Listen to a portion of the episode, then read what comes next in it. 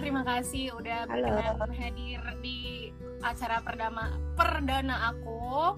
Ngobrol ya. sama temen Kak Indah ini ya teman aku. Teman aku yang sekarang memang sudah menikah dan memiliki dua orang anak ya kak ya? Iya uh, sebenarnya kalau aku pribadi sih aku memang seneng dengan dunia anak karena nggak tahu ya kalau berinteraksi sama anak-anak tuh kayak happy aja gitu. Terus tapi akunya sendiri juga belum jadi seorang ibu kan. Nah, kita pengen tahu nih dari pengalamannya Kak Indah sebagai seorang ibu gimana sih? Nah, boleh uh, introduction dulu Kak uh, Kak okay. Indah uh, anaknya, mengenai anaknya, terus umurnya okay, okay. berapa? Oke. Okay. lagi apa? Oke, terima kasih ya, Dek. Ini pertama kalinya ya aku ngomong di depan orang banyak ini agak grogi sih sebenarnya. Uh, hai teman-teman, uh, aku Indah Permatasari, da, ibu dari dua orang anak. Yang pertama anak aku laki-laki, yang kedua anakku perempuan. Yang pertama ini anak aku ada sedikit gangguan perkembangan. Uh, yang kedua ini insya Allah uh, semoga normal ya, nggak ada gangguan gitu. Aku ibu oh, rumah iya. tangga, sibuk ya, sibuk ngurus dua anak aja. Oke. Okay. Um, dan uh, yang kedua perempuan ya. Umur berapa bulan ya, Kak? Jalan 8. Oh, jalan, jalan 8. Oke. Okay. Nah, uh, sebenarnya uh, kan kalau punya anak itu kan pasti rumah tuh pasti heboh banget ya, Kak ya. Sebenarnya uh, gimana sih?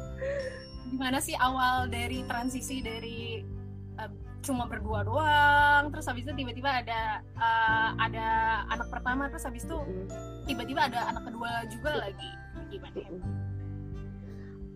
Iya, kalau pas udah pas tahu udah hamil, ya kita harus persiapkan diri. Nanti ketika anak kita sudah lahir, yang harus dikurangi adalah kebersihan. Jangan ya tadinya kita kan pengen rumahnya bersih, pengen rumah okay. bersih, selalu rapi. Tapi ketika udah punya anak, ya jangan terlalu bersih bersih lah nggak sering nggak apa-apa gitu.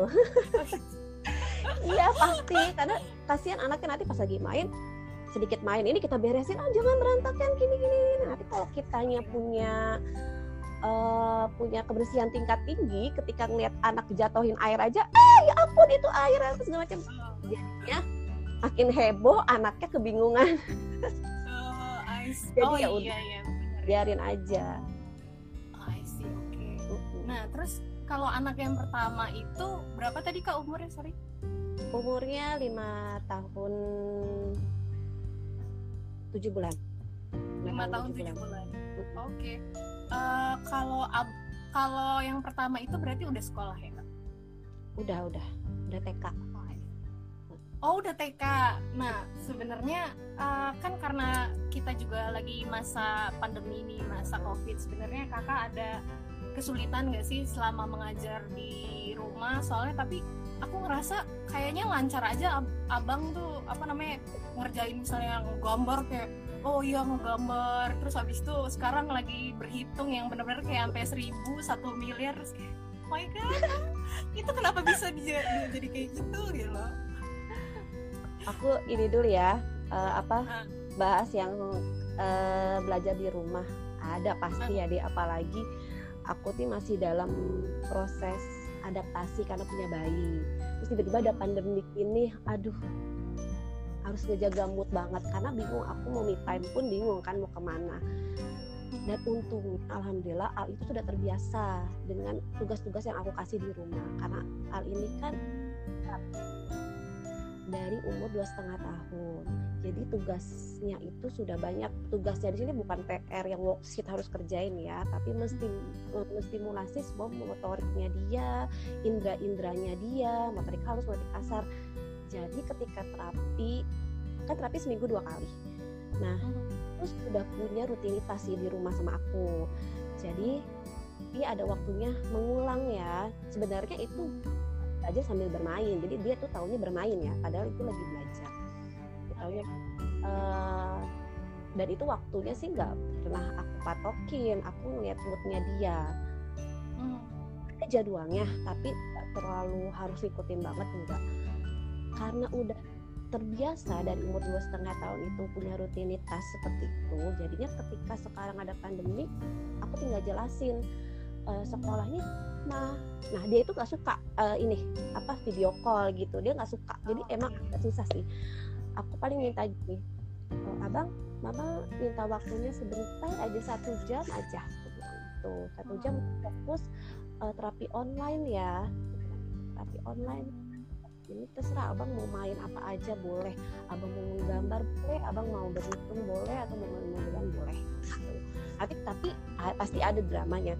Nanti karena dia kan nggak suka komunikasi dua arah lewat apa HP ya atau lewat handphone dia nggak suka. Jadinya ya matanya ke mana-mana ya nggak ngedengerin ya. Kita stay aja di sampingnya. Abang coba uh, maaf bu coba diulang abang ayo dengerin gitu. Jadi kita yang mendampingi anak di samping cuman karena dia sudah tahu rutinitasnya oh abang minta waktu sejam oke aku akan berusaha diam di sini sejam habis itu aku boleh main gitu. Jadinya terlihat gampang emang gampang sih karena emang sudah terbiasa. Oh, nggak ada gitu. yang sampai tanggung tanggung nggak al. Oh tapi maksudnya awalnya bisa dari umur dua setengah tahun mau diajak apa buat belajar dan bermain tuh gimana sih karena anak-anak aku aja sama ponakan aku susah gitu loh. Karena anak-anak itu kan memang kehidupannya bermain ya. Iya. Kreatifnya kita aja belajar sambil bermain. Misalkan dia lagi pengen main-main mobilan uh, nanti mobilnya dijajar-jajarin sama dia. Oke kita ikutin maunya dia nanti sambil berhitung. Ini warna apa ya? Mobilannya bagus gitu. Abang suka yang mana mobilannya?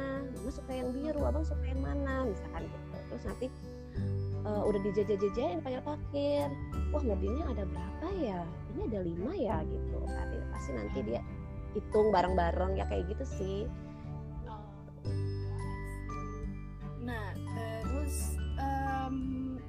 biasanya oh berarti tadi udah dijawab juga sih. Berarti biasanya kalau belajar itu satu jam ya kak?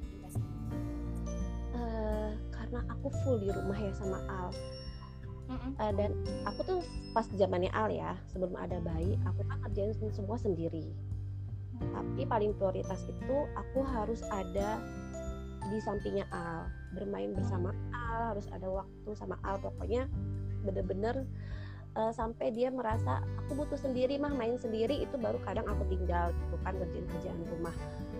Uh, nanti aku selipin ketika dia lagi belajar aku selipin bang coba ini dulu yuk gitu. Atau pas dia lagi main puzzle bang coba deh sambil loncat-loncat. Karena aku sih patokannya sama terapinya ya kebutuhan yeah, yeah. kebutuhan sesuai dengan info-info terapisnya. Mah al lagi butuh vestibular nih gitu. Mah uh, al lagi perlu memperkuat otot-otot jari nih. Oh oke okay. di rumah aku kasih pledo bang kita bikin apa ya pledohnya kalau nggak ada pledo di rumah kita bisa bikin. Malah itu lebih bagus lagi karena kan uh, belajar dengan belajar dengan anak-anak itu lebih gampang ketika kita mengajak dia bermain yang melibatkan semua semua indranya. Kan ada dia bisa merasakan lembeknya tepung habis itu dia mulai bisa meremas-remas itu kan menguat otot-otot jarinya ya kayak gitu. Misalkan mah uh, Al lagi takut nih main ayunan gitu. Biasanya kalau yang ayunan-ayunan gitu aku punya jadwal tersendiri sih. Seminggu sekali biasanya aku ngajak anak ke playground. Itu wajib. Oke. Okay. oke. Okay. itu maksudnya ayunan aku nggak tahu sih kalau dulu kan aku TK ya udah aku seneng aja main ayunan terus aku nggak ada takut. Tapi kalau Al aku lihat sendiri tuh kayak hmm. takut banget sama ayunan. Ya jadi Al itu ada keterlambatan perkembangan. Dia itu speak delay dengan gangguan bahasa ekspresif. Uh, dan dia itu punya mas gangguan sensorik. Kalau kita yang normal kan ketika kita bermain ayunan kita bisa merasakan sensasi dorongan ayunan kita bisa merasakan seneng lah ya gitu. Bisa bisa merasakan angin-angin kita aja bergerak. Itu di, di otak kita meresponnya pas ini menyenangkan loh gitu. Kalau untuk hal itu ini itu sangat mengerikan. Gitu. Jadi aku waktu Aldi diagnosa itu aku cuma fokus gimana caranya anak aku bahagia gimana caranya anak aku bisa menikmati permainan yang biasanya anak-anak mainin tuh happy. Ya sebisa mungkin coba deh bang ayo. Di playground tuh menyenangkan loh. Ayo kamu takut main ayunan? Ya ayo mama mama mama pangku gitu. Itu sih. Nah terus nanti ditambah laporan dari terapis aku biasanya observasi sendiri nih. Ayo bang kita ke playground yang ini tiba-tiba aku ngeliat kok dia ketakutan nih sama jaring-jaring gitu misalkan. Kamu kenapa takut? Oke ayo mama temenin. Jadi bener-bener capek banget sih. Zaman dia masih masih takut banget sama playground tuh capeknya minta ampun karena kita itu harus gendong dia. Tuh nggak apa-apa gitu. Itu yang dia oh yang nangis-nangis yang berontak-berontak. Pasti. Jadi pasang muka tebel aja sih diliatin orang. Mau dibilang apa terserah oh ala oke oke. Berarti Betul. perjuangannya benar-benar harus banget ya ekstra. Jadi dibenerin itunya dek dibenerin respon sensoriknya yang dibenerin. Jadi oh, uh, pertama kalinya kita harus uh, jadi tujuan terapinya itu uh, membuat al itu bisa menerima sensorik dari luar, input dari luar dan diproses sama otaknya itu dan dikeluarkan itu sesuai dengan seperti yang sewajarnya gitu. Misalkan main ayunan ya harus happy bukannya ketakutan atau mendengar suara keras dia tiba-tiba bisa langsung kabur menjauh menjerit atau menangis bisa kayak gitu jadi dibenerin itu ya dulu baru bisa ke tahap akademik jadi aku fokus oh. main main ayo main playground ayo gitu aku sih senang aja walaupun capek hmm. tapi ya itu itu bisa jajan lah ya ke mall iya, iya. Uh, katanya uh, apa belanja minuman itu yang D itu loh yang D yang C ya pokoknya oh, iya. ya aku aku receh banget jadi kalau lagi stres oh ya udah deh pengen minum apa ya atau pengen makan apa ya jadi ketika uh, capek nemenin Ali playground ah ya udah yuk bang kita makan es krim yuk atau ayo bang gitu. tapi ya dia tuh gak tenang ya. Jadi aku makan es krim ya sambil lari-lari atau apa. Setidaknya oh, ada sesuatu yang buat aku bahagia juga sih. Tapi dia nggak maksudnya kalau ayo beli ini terus tapi dia nggak nggak ikutan ah pengen banget juga gitu loh. Iya. Minum minum. pasti. Oh. uh, dan tapi dia itu pemilih. Jadi nggak semua yang aku beli itu dia mau. Wah. Mau mau itu coklat atau candy ya tetap dia pemilih berarti nggak semua makanan manis pun dia suka. Ya itu salah satu masalah sensorik juga. Jadi gini deh kamu kamu itu takut apa? Aku takut apa ya? Aku takut apa ya? Aku takut apa ya? Gak ada takutnya saya nggak takut wah aku nggak ada takut. Oh dulu nih aku preman waktu di TK maksudnya suka isengin orang. Terus kalau naik ayunan tuh aku udah bisa lompat gitu. No. loncat tuh aku bangga banget. Bagus. Nah itu jadi uh, dibilang gangguan itu ketika misalkan gini eh anaknya takut nih sama suara. Ya kan nah itu ada yang wajar atau tidak wajar. Ketika dia mulai bisa distimulasi dengan suara-suara keras lama-lama dia tidak takut berarti itu wajar. Tapi kalau dia sampai histeris sampai nangis sampai kabur lah mau mendengar itu sampai menghindari lah pokoknya.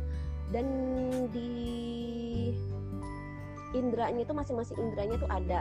Misalkan pendengarannya takut sama suara keras. Untuk sentuhan itu dia takut untuk dipegang. Ketika dipegang itu dia merasa sakit dipeluk itu dia merasa ya sangat sakit gitu. terus misalkan mata dia cahaya dia nggak suka gitu misalkan. Terus apa e, praba kalau ada suhu yang dingin atau agak panas dia nggak suka gitu. Jadi di masing-masing indranya tuh punya masalah. Nah itu bisa dikatakan gangguan sensorik sih gitu. Jadinya aku harus menah dari awal banget menstimulasi semua indranya sampai sudah oke okay, nanti bertahap itu itu mempengaruhi perilaku loh dek. Dulu tuh tantrumnya minta ampun ya karena kita kan nggak paham ya dia tuh takut apa. Hmm. jadi harus dengerin dulu itu sensorik ya. berarti sensorik uh, bukan pengenalan tapi uh, pengetesan uh, pengecekan sensorik itu berfungsi dengan baik atau enggak uh, untuk anak sejak dini itu penting banget. Penting banget. Dengan cara ya itu kita kasih berbagai macam uh, mainan mengeksplor untuk mainan apa? Main di rumput kah? Dia jijik atau enggak kakinya? Ya kayak gitu gitu sih. Jangan jangan dianggap remeh ya. Misalkan gini oh nggak apa-apa nanti juga bisa gitu. Ya alhamdulillah kalau ternyata bisa gitu. Pokoknya rajin-rajin baca untuk ini deh perkembang ilmu kembang anak gitu. Kan di situ kan ada red flagnya ya. Yang mana-mana yang telat dan telat sama terlambat beda ya jadi kalau sudah mendekati terlambat itu mending langsung deh ngecek deh gitu. apalagi zaman sekarang ya sudah tidak ada lapangan apa itu banyak anak oh, yang iya. punya gangguan sensorik sih gitu.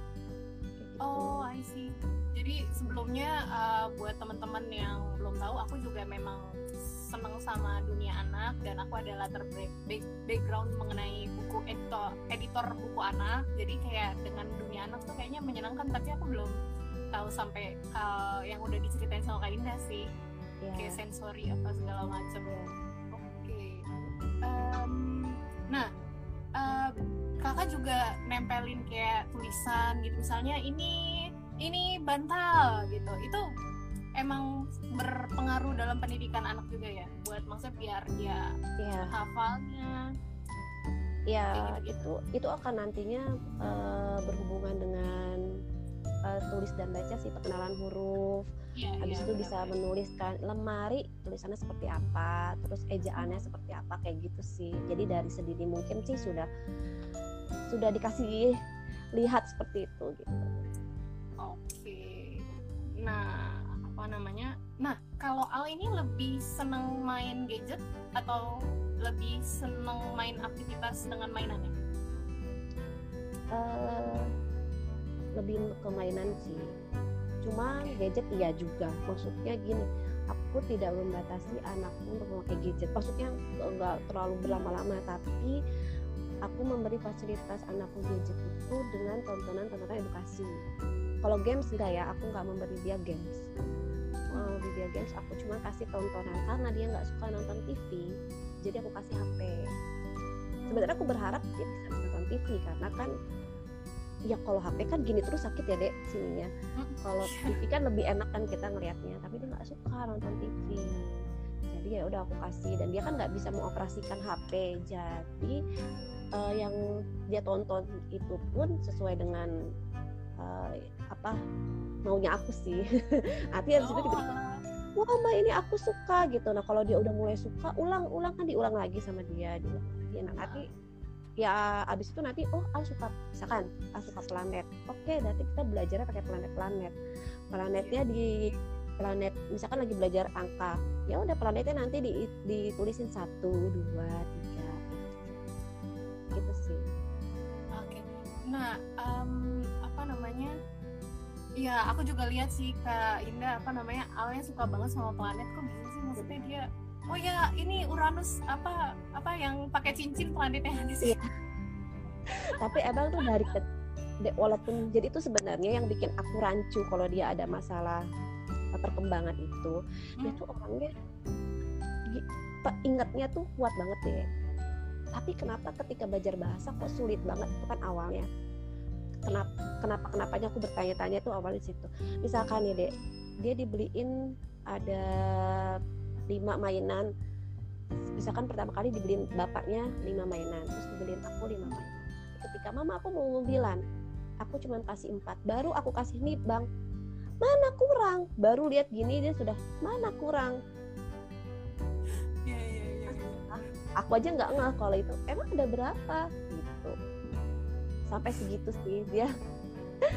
Terus pas tahu tiba-tiba aku suka mama aku suka ini aku suka ini ya udah jadi aku manfaatin aja. Lama-lama ternyata eh, dia beneran suka banget dan dia kok udah suka banget itu itu lagi itu lagi ya aku manfaatin lah untuk untuk belajar kayak gitu. Jadi aku kasih fasilitas aku beli mainan uh, solar solar system terus aku beliin bukunya aku mainan yang menggunting menggunting walaupun sebelumnya waktu itu dia belum bisa menggunting tapi dia ngeliat aku menggunting dia yang ngelem ngelemin ya nggak apa-apa. Semua kan butuh proses. Setidaknya uh, aku uh, apa sih pas aku colong-colong kesempatan gitulah untuk untuk belajar sambil bermain gitu sih. Nah itu dia, aku juga yang takjub tuh kalau ngelihat uh, aktivitasnya Abang Aldi story, uh, ini dia misalnya ngitung, terus habis itu dia nggak satu dua tiga empat lima enam tujuh delapan misalnya, terus habis itu dia udah udah tahu itu delapan, terus sama Kak Indah diulang lagi, coba itu dihitung satu dua tiga empat lima enam tujuh delapan, terus kayak terus dia kalau ngitung misalnya 12 tambah 5 dia nggak pakai jari gitu loh. Tapi maksudnya dia langsung kayak mm, dia diem. Terus habis itu 17 gitu. Terus kayak wow wah keren nih keren. Kalau sampai 20 iya dia nggak ngitung. Aku juga nggak tahu uh, agak kaget juga gitu. Tapi memang okay. dari awal sih deh untuk masalah uh, matematika dan masalah gambar itu udah terlihat dari dia sebelum didiagnosa punya uh, masalah perkembangan. Sudah terlihat gitu. Dia itu aktif banget hampir ke arah hiper. Jadi ketika hmm. aku lagi butuh kerjaan-kerjaan rumah selain aku kasih dia tontonan tapi tontonannya nih yang aku bilang edukasi ya aku kasih dia chat air dan itu dia tenang banget. Walaupun waktu itu cuman di tempel-tempelin ke bajunya dia atau ke lantai-lantai aku ya udah aku bebasin sebebas-bebasnya tapi harus bertanggung jawab. Oh, kayak gitu nah, gitu uh, satu kenapa kak? Nggak terus. Oh, uh, satu hal lagi yang uh, aku nggak pernah tahu dunia anak tuh maksudnya uh, belajarnya tuh bisa bisa misalnya dia bikin puzzle sambil dia nanti loncat-loncat dulu itu tuh aku nggak pernah tuh tahu yang kayak gitu maksudnya oh. aku baru lihat tuh dari kakak doang tapi itu maksudnya adalah untuk uh, uh, itu balik tadi sensorik gitu ya integratif bukan sih kan integrasi iya sensorik integrasi, integrasi. nah jadi sebenarnya kan metode belajar itu banyak ya pokoknya yang penting itu uh, semua indera itu uh, ikut gitu misalkan hmm. belajar huruf kamu tinggal uh, pakai misalkan pakai tepung diairin itu apa melatih uh, perabanya gitu. Nah emang aku tuh menarik apa aku tuh tertarik banget sih sama terapi sensorik integrasi ini. Ketika aku juga bingung kok kenapa ya harus loncat-loncat dulu terus dikasihin oh ternyata. Aku yang awalnya gitu nanyanya.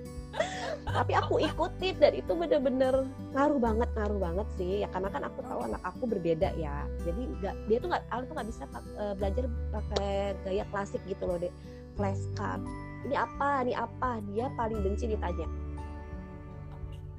Pakai tanya ini apa? Ini apa? Uh dia langsung menghindar. Nah oh. pas aku ngelihat pas aku ngelihat dia sama terapisnya oh ternyata dia suka.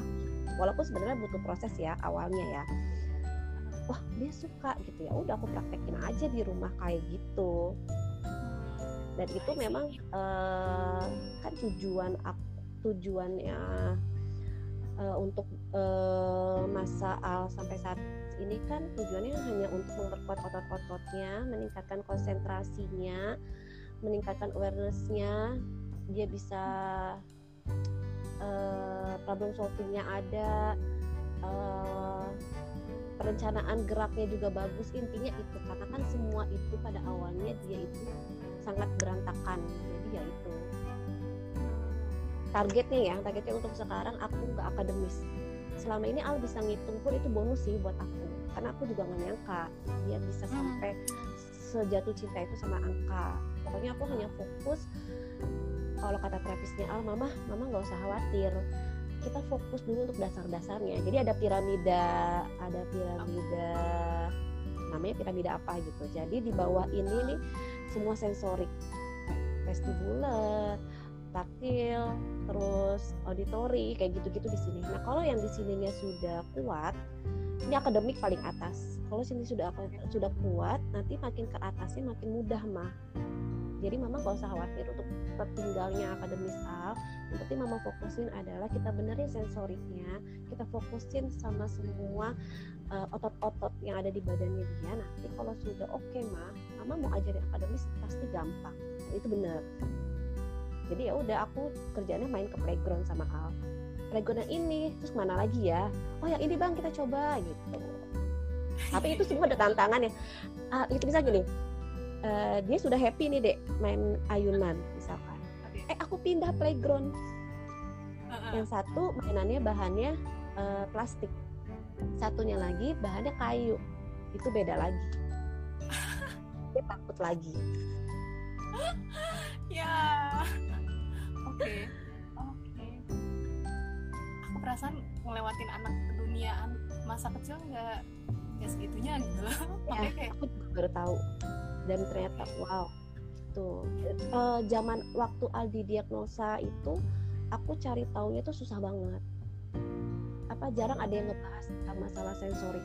Tapi kalau sekarang tuh udah banyak. Udah banyak. Oh, dengan perkembangan apa internet juga terus yang mm -hmm. ya pasti semua juga udah banyak ada di website juga sih pastinya ya kan mm -hmm. tadinya itu kan sempat didiagnosa autis ringan itu apa kak? Autis ringan. Oh.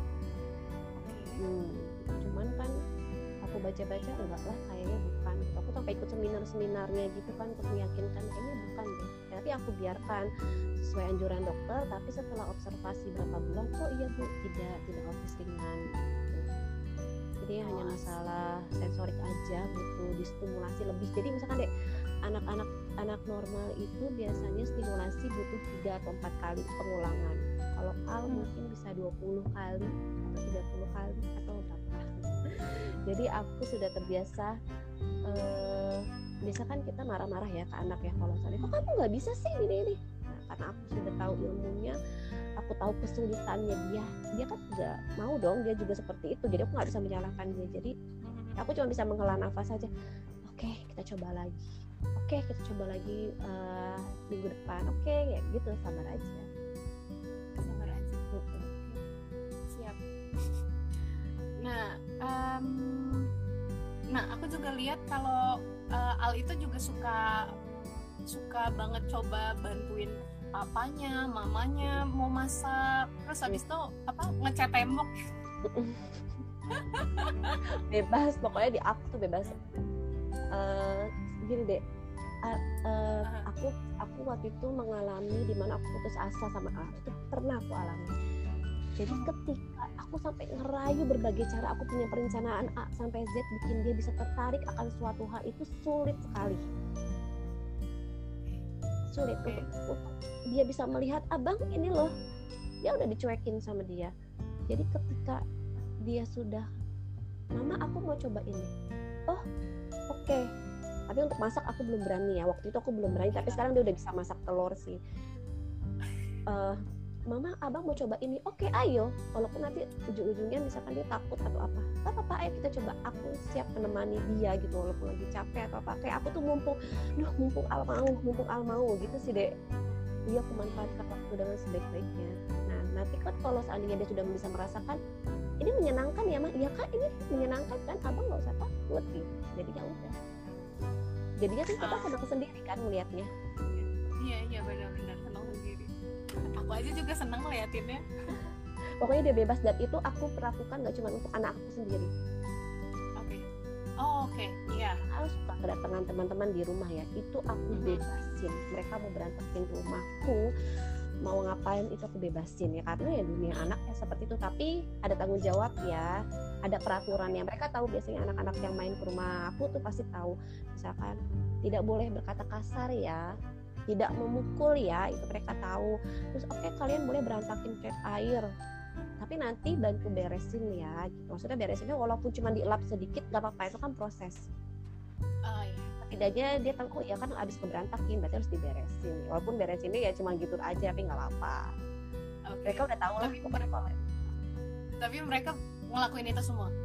Ngelakuin itu semua sama aku ya. Okay. tapi nggak tahu kalau di rumahnya ya tapi kalau sama aku sih mereka sudah terbiasa kan dan aku itu menganggap mereka itu ya sebagai kayak Al.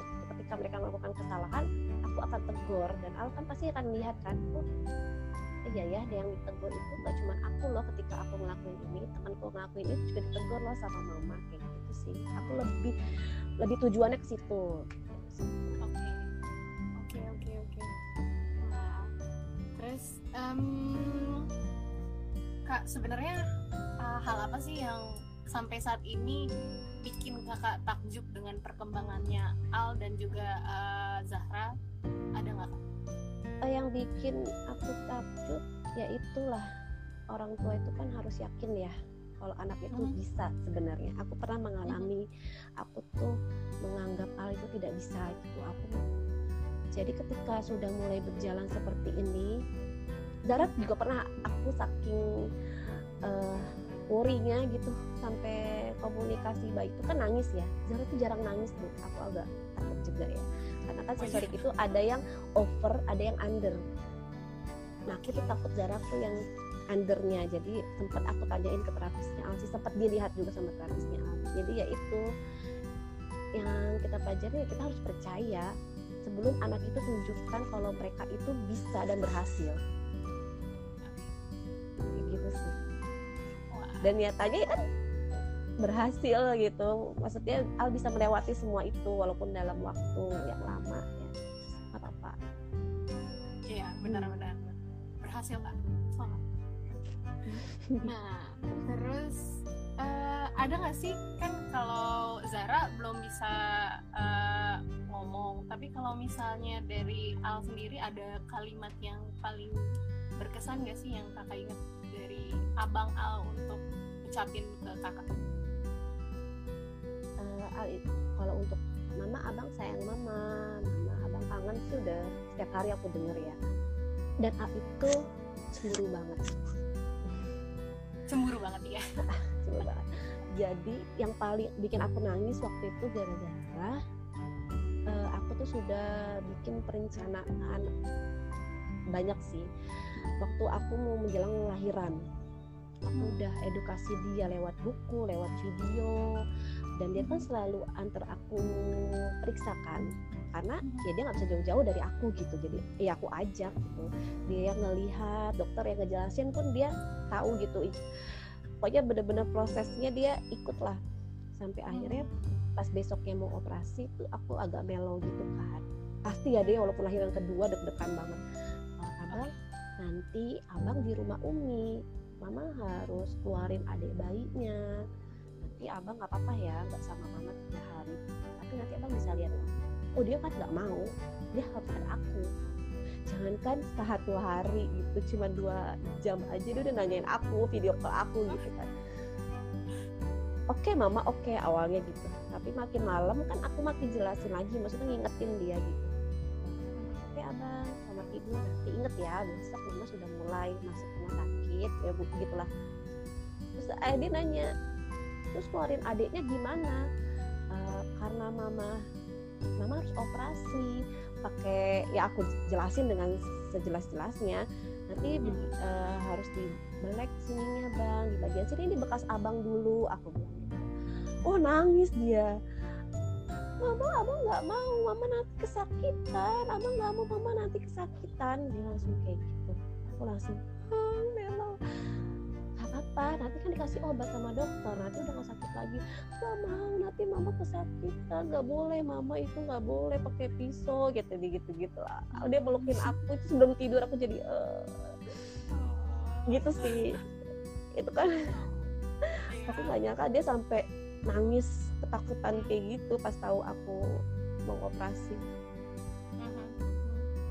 Dan akhirnya besoknya dia masih ada uh, ketakutan gitu atau ini aku kasih li aku proses ya proses bener-bener proses persiapan operasi ngecek ini ngecek itu dia ikut ya.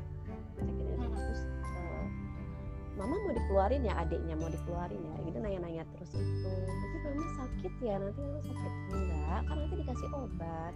Kayak gitu aja. Tapi perencanaan aku untuk bikin dia bisa tinggal sama neneknya nggak bisa. Dia ikut nginep di rumah sakit selama aku dirawat. Jadi aku nyusuin sebelah kanan dia sebelah kiri aku. Gimana dong jadi tangannya full ya berarti kan uh, uh, aku cuma takut jahitan ketendang aja sama Al. Oh iya. Tapi untungnya dianteng ya kak? Iya wah oke. Okay. um, menurut kakak pentingnya peranan orang tua dalam pendidikan anak tuh gimana sih kak? Uh, sebenarnya kan kita juga uh, oh ya anak ya udah nanti bisa di PAUD gitu atau nanti ya udah di TK nanti diajarin gurunya. Tapi kalau untuk orang tuanya sendiri kakak ngelihatnya uh, gimana sih? Sepenting apa? Yang zaman sekarang masih ada sih yang begitu memang uh, yang nyerahin anaknya ke PAUD gitu. Kalau menurut aku itu penting banget sih orang tua itu pendidikan pertama dan utama untuk anak. Apalagi seorang ibu ya punya peran yang sangat penting ibu itu kan perannya uh, kayak untuk memenuhi kebutuhannya dia. Pendidikan kan kalau dalam keluarga artinya luas ya nggak cuma tentang akademik tapi kan kebutuhan jasmaninya kebutuhan imannya uh, sosialisasinya apa segala macam kan juga harus keluarga yang turun tangan. Apalagi ibu perannya yaitu untuk memenuhi kebutuhannya sebagai modelnya dia untuk dicontoh terus pemberi stimulasi pada masa balita itu penting banget ya stimulasi. Jadi kadang kan orang ah hmm, masih kecil biarin aja. Enggak. Justru lima tahun pertama tuh sangat penting banget. Sangat penting banget. Misalnya gini ah kan belum waktunya uh, mengenalkan angka gitu.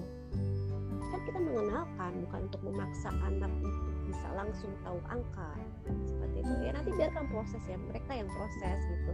Jadi kayak kebutuhan makannya. Ini kan siapa yang yang turun tangan? Kan orang tua pagi paling utama kan ibunya. Ya, kayak gitu sih memberi memberi fasilitas-fasilitas mainan yang sesuai dengan usianya gitu. jadi penting banget terutama ibu. Ah, terutama ibu. Nah memang uh, apa namanya?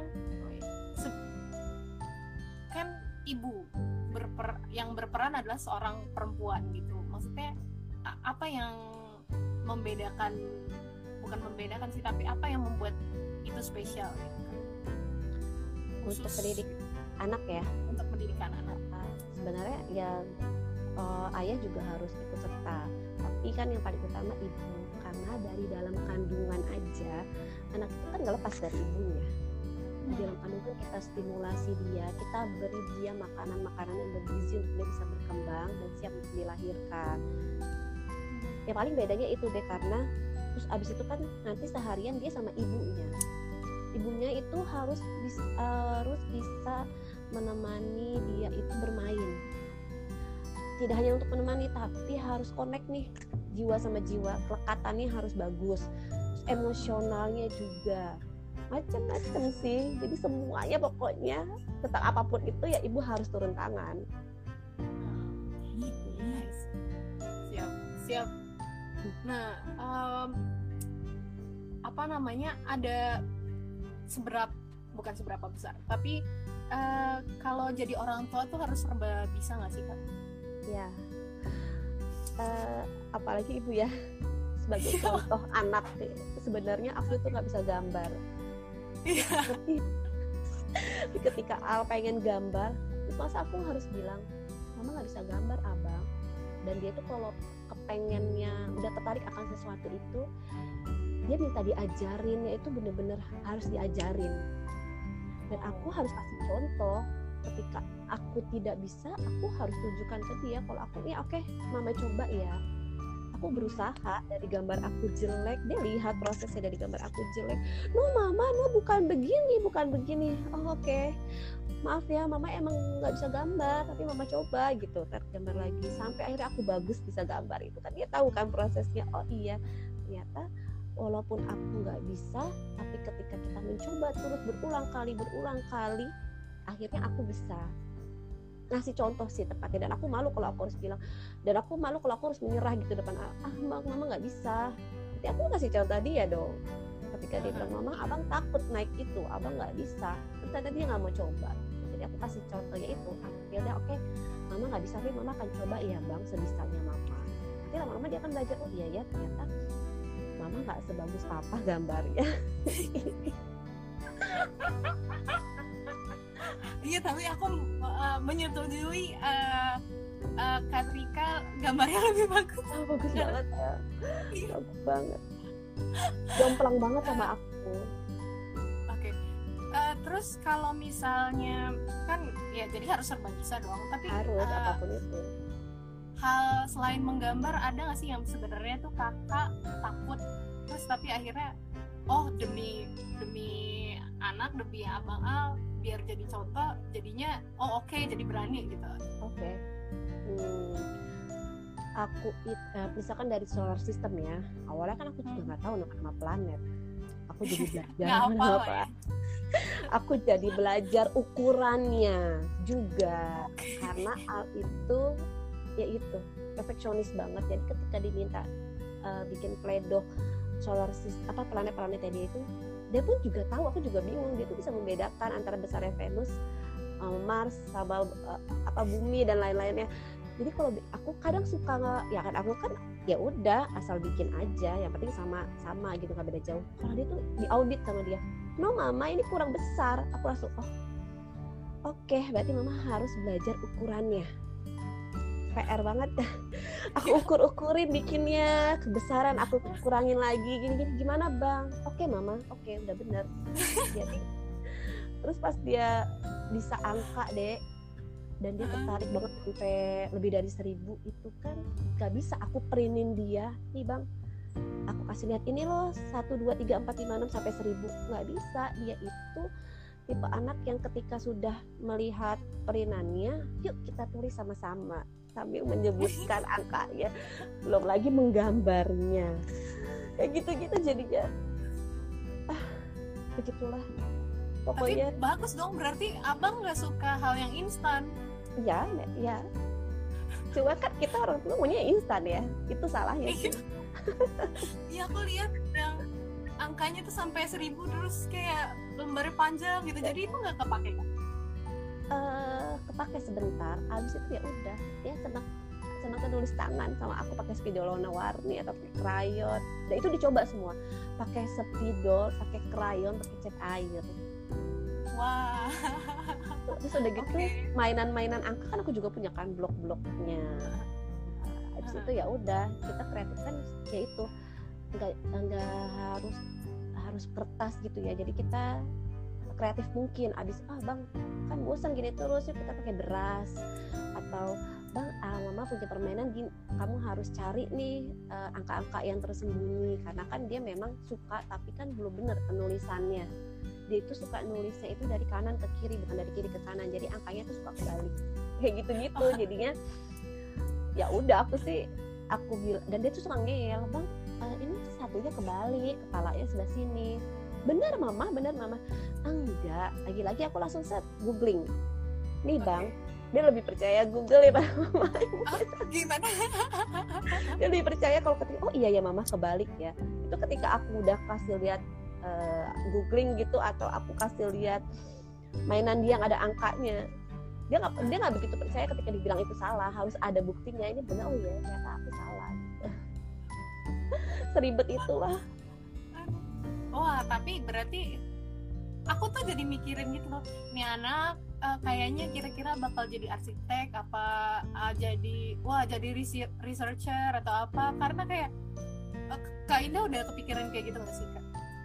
Belum sih. Betul. Belum belum. Aku benar-benar cuma fokus sekolah aja. Aku udah bilang sama gurunya bu gak usah dilihat akademiknya ya. Aku tujuan sekolah hanya untuk melatih sosialisasinya al. Komunikasi antar teman jadi benar-benar yang lainnya nggak aku lihat. Aku bisa ajarin sendiri di rumah. Gitu yang aku butuhkan ya aku tidak bisa mendapat fasilitas teman-teman yang banyak. Terus komunikasi dua arah gini sama komunikasi bergrup gitu beda loh dek. Jadi itu Al juga kesulitan. Jadi ya latihannya di sekolah dia harus bisa fokus ketika gurunya ngomong di depan untuk orang banyak kayak gitu. Dia harus bisa memahami apa yang dibilang sama gurunya walaupun nggak bertatap langsung mukanya atau tidak bersentuhan. Kadang itu Al kalau dibilangin harus kita sentuh terkadang. Jadi kadang sih aku dudukin gitu aku peluk sambil ngomong. Makanya dia suka banget meluk melukin aku karena emang udah terbiasa. Ini kalau nggak melukin aku sejam aja tuh kayaknya aduh sampai aku tuh risih. Karena di depan orang banyak kadang aku lagi ngomong dia cium-cium. Abang mama lagi bicara tunggu dulu. Blendor gitu. Terus ini ini gimana dong? Berarti pasti harusnya dicariin dong. Ini udah mau mau sejam tuh. Enggak kalau sekarang pas ada adeknya itu berubah banget. Aku yang melo aku eh aku juga sampai abang abang gak kangen sama mama. Kok abang belum cium mama hari ini? Tapi aku kayak gitu. Sampai aku tuh nyari yang bener-bener berubah banget bener-bener berubah banget. Nggak tahu mungkin naluri kakaknya udah muncul kak atau gimana aku sampai saat ini aku masih meraba-raba sih pas ada adiknya karena aku mulai beradaptasi lagi kan jadi mas. Jadi strateginya itu mulai diubah lagi belajar lagi kayak gitu. Jadi uh, orang tua harus banyak strateginya ya. Harus harus uh, belajar sepanjang masa karena setiap uh, setiap tingkatan tumbuh kembang itu berbeda. Jadi strategi strateginya pun berbeda. Okay. hmm, apa lagi ya?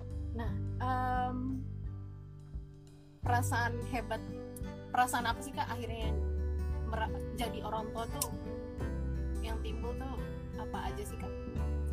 Perasaan. Uh, hebat itu harus bisa mencintai tanpa syarat. Oh, itu sulit. love itu sulit.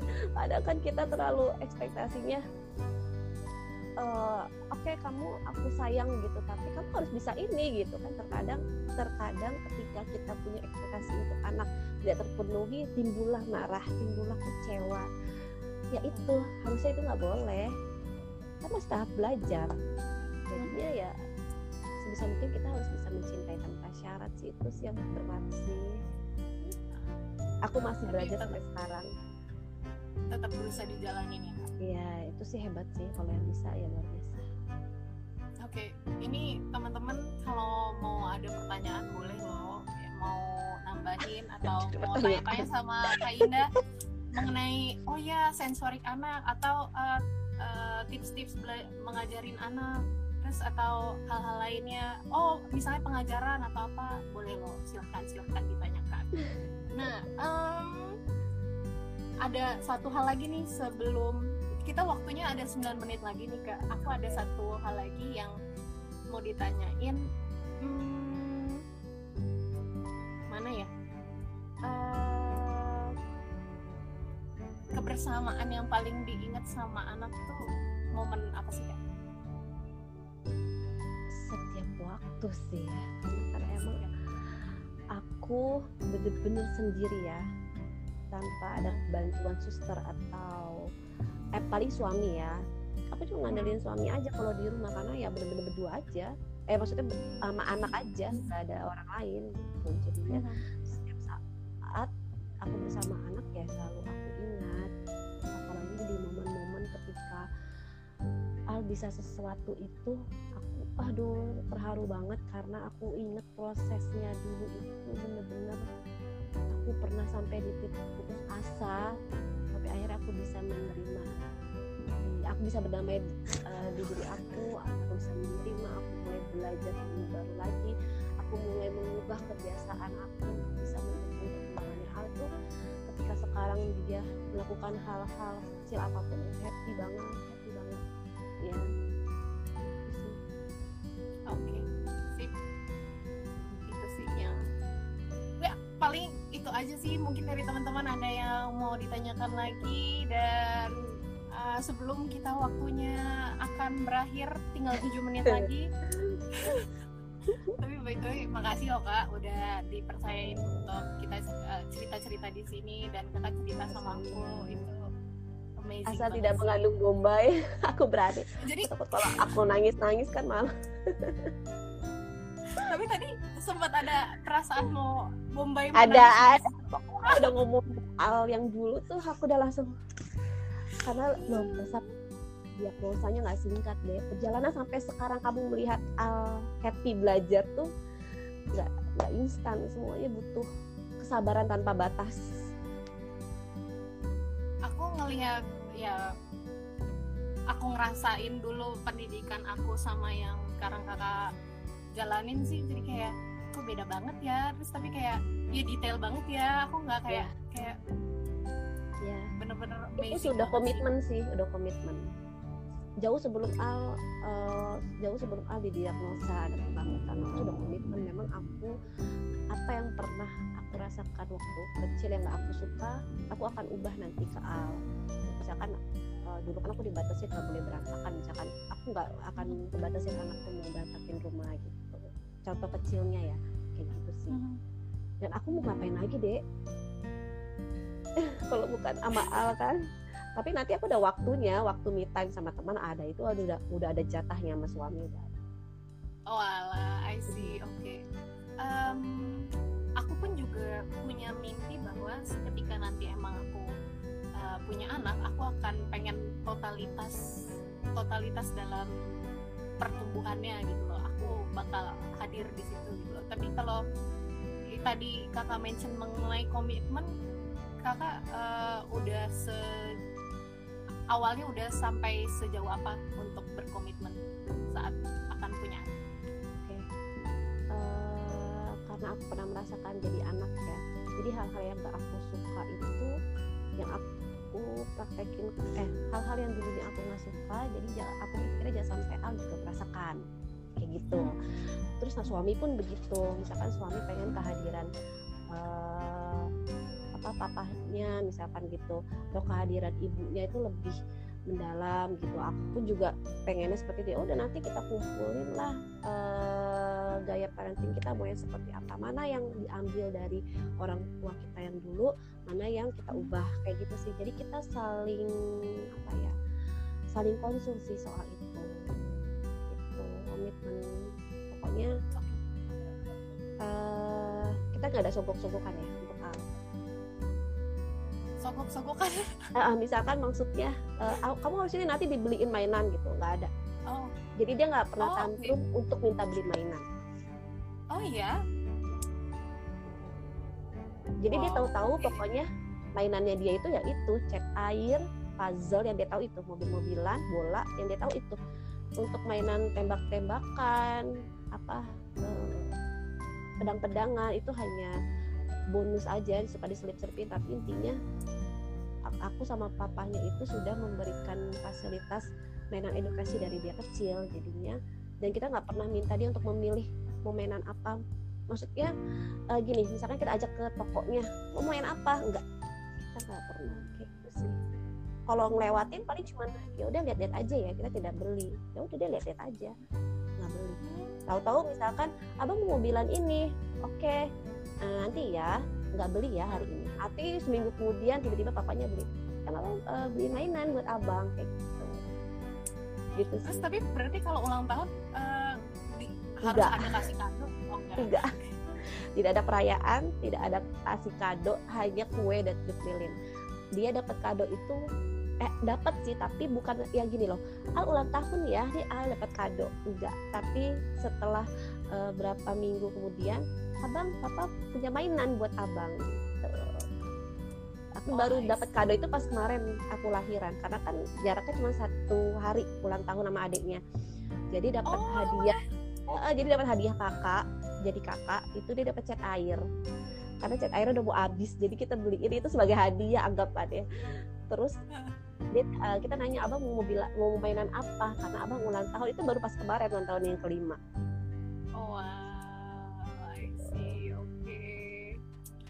um, paling itu aja sih kak yang akan ditanyakan tadi aku ada satu hal pertanyaan lagi tapi aku agak lupa mungkin nanti aku akan tanyakan langsung ke kakak jadi aku kakak kalau aku tanya-tanya mengenai anak atau nanti aku punya anak eh, kakak okay. prepare ya untuk aku tanyakan ya, ya Oke, silakan deh. Sebisa okay. mungkin aku bantu. Oke, itu tadi obrolan dengan Kak Indah Permata Sari mengenai uh, tumbuh kembang anak dan peranan perempuan sebagai ibu. Nah, mungkin kalau teman-teman nanti mau ada pertanyaan tambahan atau yang lainnya, nanti uh, Instagram ini akan kita save di IGTV Festi, at Festi Festi Festi. Nah, nanti juga akan ada audionya, nanti akan aku share juga lewat Instagram Story dan juga nanti akan ada tulisannya mengenai rangkuman dari obrolan ini. Oke, okay, uh, eh, kakak wak waktu itu bilang ke aku suka warna biru, hitam, putih, sama pink ya? Uh, ya oke. Okay. uh, eh, nanti kakak uh, tungguin ya. Aku ada hadiah spesial buat kakak yang udah mau uh, meluangkan waktunya dan wow, hadir apa itu nanti tungguin aja. Oke, teman-teman yang pokoknya yang baru muncul, yang baru hadir, uh, uh, nanti kita akan ada IG di IGTV jadi nanti uh, pantengin di situ dan kalau mau komen bisa di sana Oke, kita akhirin dulu acara ngobrol hari ini. Terima kasih udah uh, datang di ngobrol sama teman bersama Festi dan Kak Indah Permatasari. Dadah. thank you